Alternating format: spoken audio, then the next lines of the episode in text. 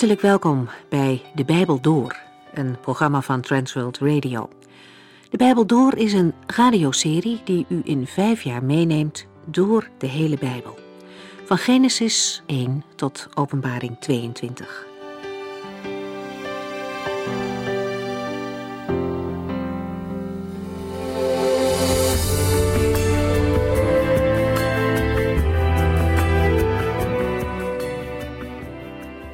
We zijn pas begonnen in de Filippenzenbrief. Via internet kunt u de vorige uitzendingen nog beluisteren als u die gemist heeft. Kijkt u dan op www.transworldradio.nl.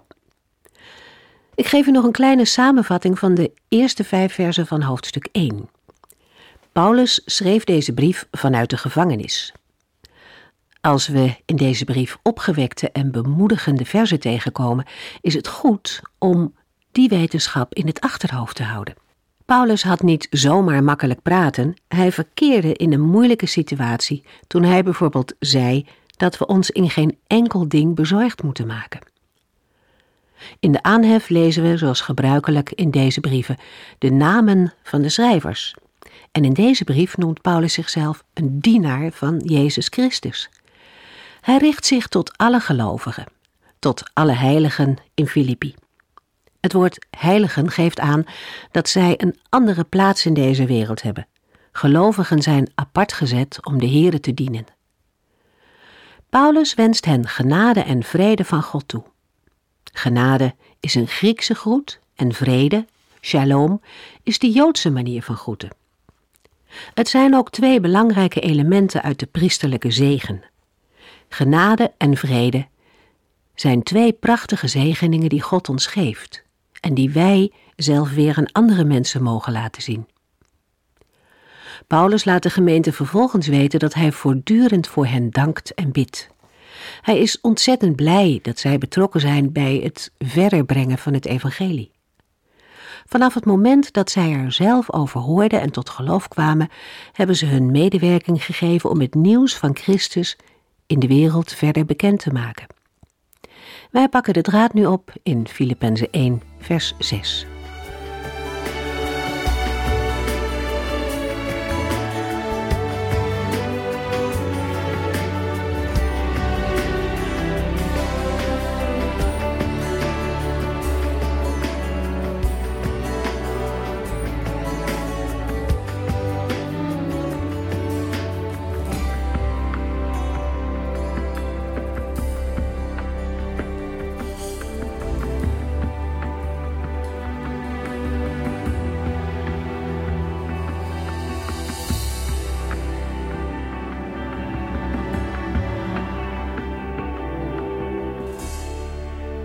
In de vorige uitzending hebben we gelezen over de blijdschap van de apostel Paulus, over de inzet en medewerking van de gelovigen uit Filippi, aan het bekendmaken van het goede nieuws.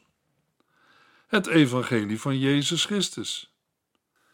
Uit de woorden die de apostel gebruikt is op te maken dat de medewerking van de Filippenzen aan de verkondiging van het evangelie geen tijdelijke bevlieging was. Paulus schrijft in vers 4 en 5: Als ik voor u bid, is mijn hart vol vreugde over de geweldige medewerking die u hebt gegeven aan het bekendmaken van het goede nieuws. Vanaf de dag dat u het voor het eerst hoorde tot nu toe. Die eerste dag was de dag dat de apostel op de sabbat een groepje vrouwen ontmoette bij de rivier, Handelingen 16, vers 13. In Handelingen 16 worden drie mensen genoemd die nieuw leven door Jezus Christus hebben ontvangen. In Handelingen 16, vers 14 en 15 lezen we over een zakenvrouw, Lydia. In het vervolg in Handelingen 16, vers 17 en 18 over een slavin met een helderziende geest. Zij wordt bevrijd van de geest en ontvangt nieuw leven door Jezus Christus. Ten slotte lezen we in Handelingen 16, vers 30 tot en met 34 over de bekering van de cipier van de stadsgevangenis in Filippi. Hij en al zijn huisgenoten werden gedoopt. Het is prachtig om te zien dat de Heere de harten van heel verschillende mensen opende. Bij Lydia opende de Heere haar hart. Zij vereerde God Ze was godsdienstig, maar toch was het nodig om haar hart te openen voor het evangelie van Jezus Christus. Een godsdienstig of religieus hart kan dichtgetimmerd zijn en geen zicht hebben op Jezus Christus. Ook een godsdienstig hart moet voor hem geopend en vernieuwd worden. De tweede persoon die in Filippi het evangelie hoorde, was een slavin met een verduisterd hart. Zij was in de macht van de duisternis. Ze had een helderziende geest. Ook een verduisterd hart wordt door de Heere geopend en bevrijd in de kracht van de Heilige Geest en in de naam van Jezus Christus. Ten slotte lezen we ook over de cipier van de stadsgevangenis. Hij had een onwetend hart met betrekking tot Jezus Christus. Hij had geen christelijke opvoeding van huis uit meegekregen. Hij had nooit kennis genomen van de Bijbel. Maar ook hij ontvangt een nieuw hart door de Heer Jezus Christus. Luisteraar, ook een onwetend hart moet vernield worden. De cipier vraagt aan Paulus en Silas: Heren, wat moet ik doen om gered te worden? Het antwoord was toen, maar vandaag nog steeds. Geloof in de Heer Jezus, dan zult u gered worden en al uw huisgenoten ook. Paulus en Silas verkondigden hem en zijn huisgenoten de boodschap van de Heer. En de cipier en zijn huisgenoten kwamen tot geloof en werden daarna gedoopt. Het moet een geweldig feest zijn geweest in Filippi op de dag dat deze eerste gemeenteleden van de christengemeente van Filippi voor het eerst het goede nieuws hoorden. Als Paulus eraan terugdenkt, wordt hij er nog steeds blij van en is zijn hart vol vreugde. Hij weet ook dat het geloof van de christenen in Filippi geen tijdelijke zaak is. Niet omdat de gelovigen in Filippi allemaal geestelijke krachtpatsers zijn. Nee, Paulus schrijft in vers 6: Ik ben er zeker van dat God op de grote dag van Christus Jezus het goede werk dat hij onder u begonnen is, zal voltooien. De apostel is er zeker van dat als de Heer ergens aan begint, hij zijn werk ook zal voltooien. De blijdschap over de medewerking van de Filippenzen is alleen mogelijk omdat de Heere zijn goede werk in hen is begonnen. Daarbij mogen de gelovigen er zeker van zijn dat de Heere afmaakt wat hij begint. Dat mag vandaag ook voor u gelden, luisteraar. Als de Heere eens in uw leven zijn goede werk is begonnen, dan kan hij niet passief toezien dat u steeds verder van hem afdwaalt. Bij de Heere vinden we geen houding die we bij mensen wel tegenkomen. Nou, dat moet u dan zelf maar weten. Als een mens God loslaat, wil dat nog niet zeggen dat God een mens loslaat en verloren laat gaan. Weet u, de Bijbel laat zien dat mensen na de zondeval in de Hof van Ede allemaal al verloren zijn. Het is voor ons moderne mensen een hele schok om dat te moeten horen. Ondanks het feit dat we allemaal heel goed ons best doen, is Gods diagnose over ons mensen. Er is niemand die goed doet, zelfs niet één. In Romeinen 3, vers 23 en 24 lezen we: Alle mensen hebben gezondigd en missen daardoor Gods nabijheid. Maar God is zo goed en vergevend hen weer aan te nemen, zonder dat het hun iets kost en zonder dat ze het hebben verdiend, omdat Jezus Christus hen uit de greep van de zonde heeft bevrijd. Heel wat mensen zijn van mening dat als zij goed hun best doen en eerlijk en goed leven, iedereen het zijne geven en geen rare dingen doen, dat het daarmee voor God ook voldoende moet zijn. Toch is het een menselijke gedachte. Er is geen enkele grond voor zo'n gedachte in de Bijbel te vinden, eerder het tegendeel. Luisteraar, u gelooft toch niet dat God de Vader zijn zoon aan een kruis opoffert om ons mensen te redden, als dat helemaal niet nodig was geweest? Christus heeft zijn leven gegeven, opdat een ieder die in hem gelooft voor altijd vrede met God ontvangt en in zijn vrijheid mag leven. De Heer heeft er alles aan gedaan om u te redden, maar als u zijn redding niet aanvaardt, bent u zelf verantwoordelijk voor de consequenties. Filippenzen 1, vers 6. Ik ben er zeker van dat God op de grote dag van Christus Jezus het goede werk dat Hij onder u begonnen is, zal voltooien. Mag de Heere vandaag zijn werk in u beginnen? U zou het in een gebed aan de Heere kunnen vragen. Filippenzen 1 vers 6 is ook voor gelovigen een geweldig mooi vers. Als gelovigen terugkijken op donkere en moeilijke periodes in hun leven, dan ondersteunen deze woorden het geloof in onze Hemelse Vader, die zijn kinderen nooit alleen zal laten. Hij zal zijn werk in ons voltooien. Filippenzen 1 vers 7 Het spreekt eigenlijk vanzelf dat ik zo over u denk, want u hebt een bijzondere plaats in mijn hart. Immers, of ik nu gevangen zit of in vrijheid het geloof van Christus verdedig en verkondig, u deelt mee in de genade die God mij bewijst.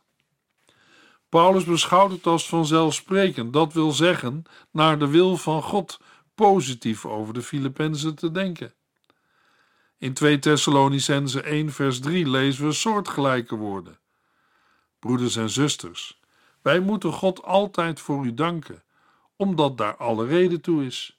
Want uw geloof wordt steeds sterker en de liefde die u voor elkaar hebt, neemt dag aan dag toe. Het spreekt eigenlijk vanzelf dat ik zo over u denk, slaat op de voorafgaande versen 3 tot en met 6. De apostel heeft alle gemeenteleden zonder uitzondering hartelijk lief. Dat blijkt ook uit Filippenzen 4 vers 1, waar we lezen: Broeders en zusters, blijf daarom standvastig in de Heer. Ik verlang erg naar u, omdat u een speciale plaats in mijn hart hebt. U bent mijn vreugde en de kroon op mijn werk. Zoals de gemeente deelgenoot is in de verkondiging van het evangelie door Paulus, zo delen zij ook in de genade van Paulus. Voor de woorden of ik nu gevangen zit, staat in de Griekse grondtekst mijn boeien, wat natuurlijk hetzelfde betekent, namelijk dat de apostel gevangen zit. De apostel Paulus heeft zich voor een rechtbank moeten verantwoorden, maar heeft ook van de gelegenheid gebruik gemaakt om het evangelie te verkondigen, zoals de apostel altijd deed. Uit onder andere 2 Timotheus 4 blijkt dat de gevangenschap voor Paulus best een hele beproeving is geweest. De apostel schrijft in 2 Timotheus 4 vers 16 en 17 De eerste keer dat ik voor de rechter moest komen, was er niemand die mij hielp. Iedereen had mij in de steek gelaten. Ik hoop dat het hun niet zal worden aangerekend. Maar de Heere heeft mij altijd bijgestaan. Hij gaf mij de kracht, zodat ik het goede nieuws onder alle volken heb kunnen brengen en zij het allemaal gehoord hebben. Hij heeft mij beschermd tegen de verscheurende leeuwen. Bij de woorden of ik nu gevangen zit of in vrijheid het geloof van Christus verdedig en verkondig, moeten wij ons bij het woord verdediging voorstellen dat het gaat om het weerleggen van beschuldigingen. Paulus heeft de instelling die we lezen in Handelingen 24, vers 16. Ik doe mijn best om voor God en de mensen altijd een zuiver geweten te houden. Daarnaast gaf de specifieke situatie van dat moment hem de gelegenheid om zich te verdedigen tegen de beschuldigingen van de Joden uit Jeruzalem. In Handelingen 25, vers 15 en 16 zegt Festus tegen koning Agrippa: Toen ik in Jeruzalem was, hebben hun leidende priesters en leiders mij gevraagd hem, Paulus, terecht te stellen. Ik wees hen erop dat het bij ons, Romeinen, niet de gewoonte is iemand te veroordelen omdat anderen dat vragen. Hij moest eerst de kans krijgen zich tegenover zijn aanklagers te verdedigen. In vers 17 tot en met 19 zegt Festus: Maar toen ik Paulus liet voorleiden, beschuldigden zij hem van iets heel anders dan ik had verwacht. Er was geen sprake van een overtreding of een misdaad. Het ging om kwesties van hun godsdienst en over een zekere Jezus die al dood is, maar die volgens Paulus leeft. Deze situatie gaf Paulus de gelegenheid zich niet alleen te verdedigen, maar ook het evangelie te verkondigen. Zijn woorden hebben dan ook betrekking op de proclamatie van het evangelie in zijn verdedigingsrede. De woorden U deelt mee in de genade die God mij bewijst, zal dan ook in Filippenzen 1 vooral betrekking hebben op Paulus' lijden in gevangenschap en de gelegenheid om van het evangelie te getuigen. Het verband tussen lijden om Christus wil en genade is drievoudig. Lijden om Christus wil is in de eerste plaats een voorrecht. Vervolgens wordt in het lijden de kracht van Christus ten volle ervaren. Paulus getuigt ervan in 2 Korintiërs 12 vers 9 en 10. Maar de Heere antwoordde telkens weer: Mijn genade is genoeg voor u, want kracht ontplooit zich ten volle in zwakheid. Daarom durf ik mij toch op mijn zwakheden te beroemen, omdat dan de kracht van Christus in mij gezien kan worden. Daarom kan ik zelfs blij zijn over zwakheden, beledigingen, noodsituaties, vervolgingen en moeilijkheden, die ik ter wille van Christus moet verdragen.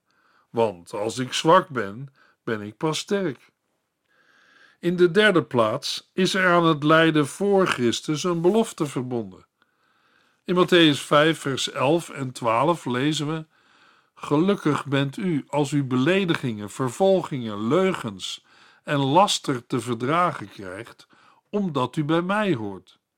Juich van blijdschap, want in de hemel ligt een geweldige beloning voor u klaar. Vroeger zijn de profeten immers ook zo vervolgd.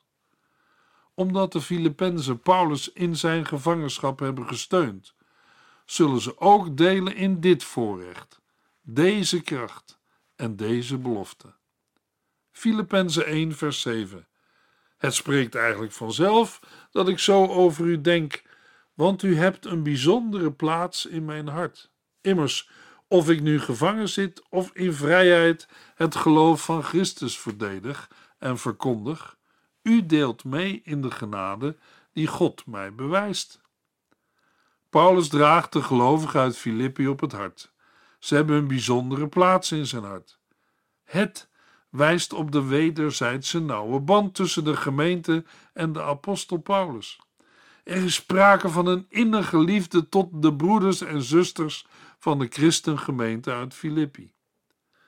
In 2 Korintiërs 6 vers 3 en 4 zegt Paulus tegen de gelovigen: Ik zei u immers al dat wij zoveel van u houden dat wij niet alleen met u willen leven, maar ook sterven. Ik heb het volste vertrouwen in u en ben trots op u. U hebt mij bijzonder bemoedigd. Ondanks al mijn moeilijkheden hebt u mij blij gemaakt. Paulus voelt zich meer dan normaal betrokken bij de Filippenzen. Het is geweldig voor een zendeling of evangelist om zulke christelijke vrienden te hebben. Broeders en zusters die hem of haar ondersteunen en daarmee medewerking geven aan de verkondiging van het evangelie.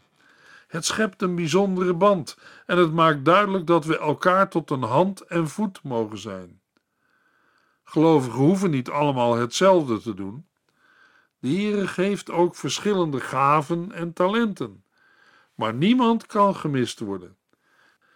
De Heere heeft al zijn kinderen nodig voor het uitvoeren van zijn grote opdracht, op weg naar de grote dag van Christus Jezus. Filippenzen 1, vers 8.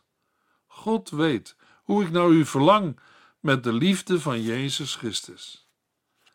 Aangezien Paulus wil dat de Filippenzen ten volle overtuigd zijn van zijn woorden, gebruikt hij een Bijbelse eetformule die in onze vertaling is verwoord met de woorden God weet. In andere vertalingen lezen we: Want God is mijn getuige. Deze eetformule komt in het Oude Testament voor in bijvoorbeeld 1 Samuel 12, vers 5, waar Samuel verklaart: De Heer en zijn gezalfde koning zijn mijn getuigen. In het Nieuwe Testament vinden we de eetformule in Romeinen 1, vers 9, waar Paulus schrijft: God weet dat ik voortdurend voor u bid. Ook in 2 Korintiërs 1 vers 23. Ik roep God op als mijn getuige dat ik de waarheid spreek. En in 1 Thessalonicense 2 vers 5 schrijft Paulus: God weet dat wij niet deden alsof om op die manier geld van u los te krijgen. Het verbod van de Heer Jezus om geen eed te zweren in Matthäus 5 vers 34 heeft betrekking op het alledaagse gebruik van een eed. In de verkondiging van het evangelie kan het gebeuren dat een gelovige iets onder ede moet getuigen. Paulus gebruikt deze eedformule op spannende momenten, als er veel op het spel staat, of als een plechtige verzekering. God, die de diepten en overleggingen van het menselijke hart kent, weet dat Paulus' verlangen uitgaat naar allen in de gemeente. Daarbij staat de liefdesband tussen Paulus en de Filippenzen centraal. De apostel vertrouwt er ook op dat de Heer hem binnenkort de kans zal geven zelf naar de Filippenzen toe te komen. Het woord verlangen in de zin God weet hoe ik naar u verlang, wordt in de Bijbel meestal plastisch weergegeven met de uitdrukking innerlijke barmhartigheid. Letterlijk staat er ingewanden, zoals hart, lever en nieren. Zij werden gezien als zetel van gevoelens. Het heeft in Filippenzen 1 de betekenis van liefde, ontferming en medegevoel. In Matthäus 9, vers 36 lezen we van de Heer Jezus. Hij was diep geroerd toen hij zag hoe de mensen afgemat waren en zich geen raad wisten. Zij leken op een kudde schapen zonder herder. Het diep geroerd zijn wordt ook wel aangegeven met de woorden met innerlijke ontferming bewogen worden. Paulus verlangt naar de gelovigen in Filippi. Zijn verlangen vindt zijn oorsprong in en wordt geheiligd door de ontferming van Jezus Christus. Paulus schrijft in Galaten 2 vers 20: Daarom leef ik zelf niet meer, maar Christus leeft in mij. Zolang ik nog in dit lichaam ben, leef ik door het geloof in de Zoon van God. Hij hield zoveel van mij dat hij zijn leven voor mij heeft gegeven. Paulus drukt zijn innerste gevoelens uit. Filippenzen 1 vers 8 God weet hoe ik naar u verlang met de liefde van Jezus Christus. Filippenzen 1 vers 9 Ik bid dat u meer en meer van liefde zult overvloeien, zodat u een diep geloof en inzicht in de dingen van God zult krijgen. Na het dankgebed in vers 3 volgt in vers 9 de voorbeden van de apostel voor de Filippenzen. Paulus bidt dat de liefde van de gemeente, die al is gebleken in hun gemeenschap met Paulus en zijn evangelieprediking, nog overvloediger zal worden. Ik bid dat u meer en meer van liefde zult overvloeien. De liefde is de uiting van het geloof en een vrucht van de Heilige Geest in de gelovigen. Door de liefde mogen gelovigen elkaar en anderen dienen. In Galaten 5 vers 6 zegt Paulus: Het enige wat telt is geloof dat zich in liefde uit. In Galaten 5 vers 13 wordt nog aangevuld: Broeders en zusters, God heeft u niet de vrijheid gegeven om te misbruiken en uw eigen zin te doen, maar om elkaar te dienen in een geest van liefde. In Galaten 5 vers 22 wordt de vrucht van de Heilige Geest onder woorden gebracht. De vrucht van de Heilige Geest is liefde, blijdschap, vrede, geduld, vriendelijkheid, mildheid, trouw, tederheid en zelfbeheersing. Deze liefde hangt ten nauwste samen met doorleefde kennis van God, een diep geloof en inzicht in de dingen van de Heer. Maar liefde betekent niets als we het wel weten, maar niet doen. Liefde uit zich in en op het terrein van kennis en moreel inzicht. Door liefde groeit de kennis van de Heer en van zijn koninkrijk, en daarbij het inzicht in het juiste handelen. Paulus laat in vers 9 op de dank van vers 3 de voorbeden volgen. De apostel is een man van gebed. Hij bidt niet alleen voor de gelovigen in Filippi, maar ook voor gelovigen in andere plaatsen. Wij lezen bijvoorbeeld in Colossense 1 vers 9: Daarom blijven wij, vanaf de dag dat wij het hebben gehoord, steeds voor u bidden. Wij vragen God om u te laten begrijpen wat Hij wil dat u doen zult. Wij vragen voor u wijsheid en geestelijk inzicht. In het gebed van Paulus voor de gelovigen in Filippi, in Filippenzen 1 vers 9, staat de liefde centraal. Hij bidt voor de gelovigen dat ze zich richten op de Heer en zijn koninkrijk, als ook op de mensen om hen heen. Ik bid dat u meer en meer van liefde zult overvloeien, zodat u een diep geloof en inzicht in de dingen van God zult krijgen. Luisteraar, dat wil ik ook graag voor u en mij bidden, dat wij meer en meer van liefde zullen overvloeien, zodat u en ik een diep geloof en inzicht in de dingen van de Heere mogen ontvangen. Een oud gezang van Jan Jacob Lodewijk ten Kate zingt en bidt. Laat me in u blijven groeien, bloeien, o heiland die de wijnstok zijt. Uw kracht moet in mij overvloeien, of ik ben een wis verderf gewijd. Doorstroom, beziel en zegen mij, opdat ik waarlijk vruchtbaar zij. Ik kan mezelf geen wasdom geven. Niets kan ik zonder u, o Heer. In uw gemeenschap kiemt er leven en levensvolheid, meer en meer. Uw geest moet in mij uitgestort, de rank die u ontvalt verdort. Nee, Heer, ik wil van u niet scheiden. Blijf de uwe altijd, blijft gij de mijne. Uw liefde moet alom mij leiden, uw leven moet mijn leven zijn. Uw licht moet schijnen in mijn huis, bij kruis naar kracht en kracht naar kruis. In de volgende uitzending lezen we verder in Filippenzen 1.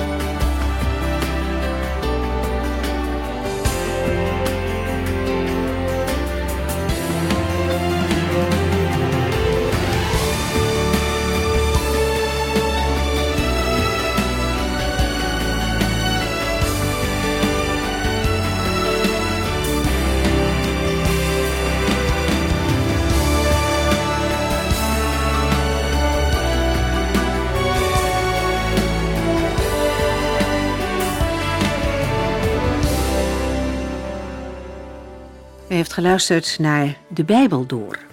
In het Nederlands vertaald en bewerkt door Transworld Radio. Een programma waarin we in vijf jaar tijd de hele Bijbel doorgaan. Als u wilt reageren op deze uitzending of u heeft vragen, dan kunt u contact met ons opnemen.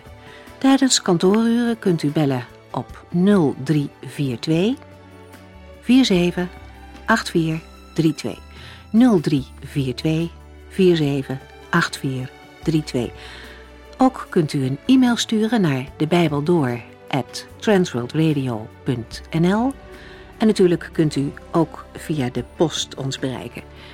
TWR, postbus 371, postcode 3770, AJ in Barneveld. Dit programma werd gepresenteerd door Cor Weda en Ike André. Techniek was in handen van Odin van Woerdekom. En wij allemaal bedanken u voor het luisteren. Graag tot de volgende keer.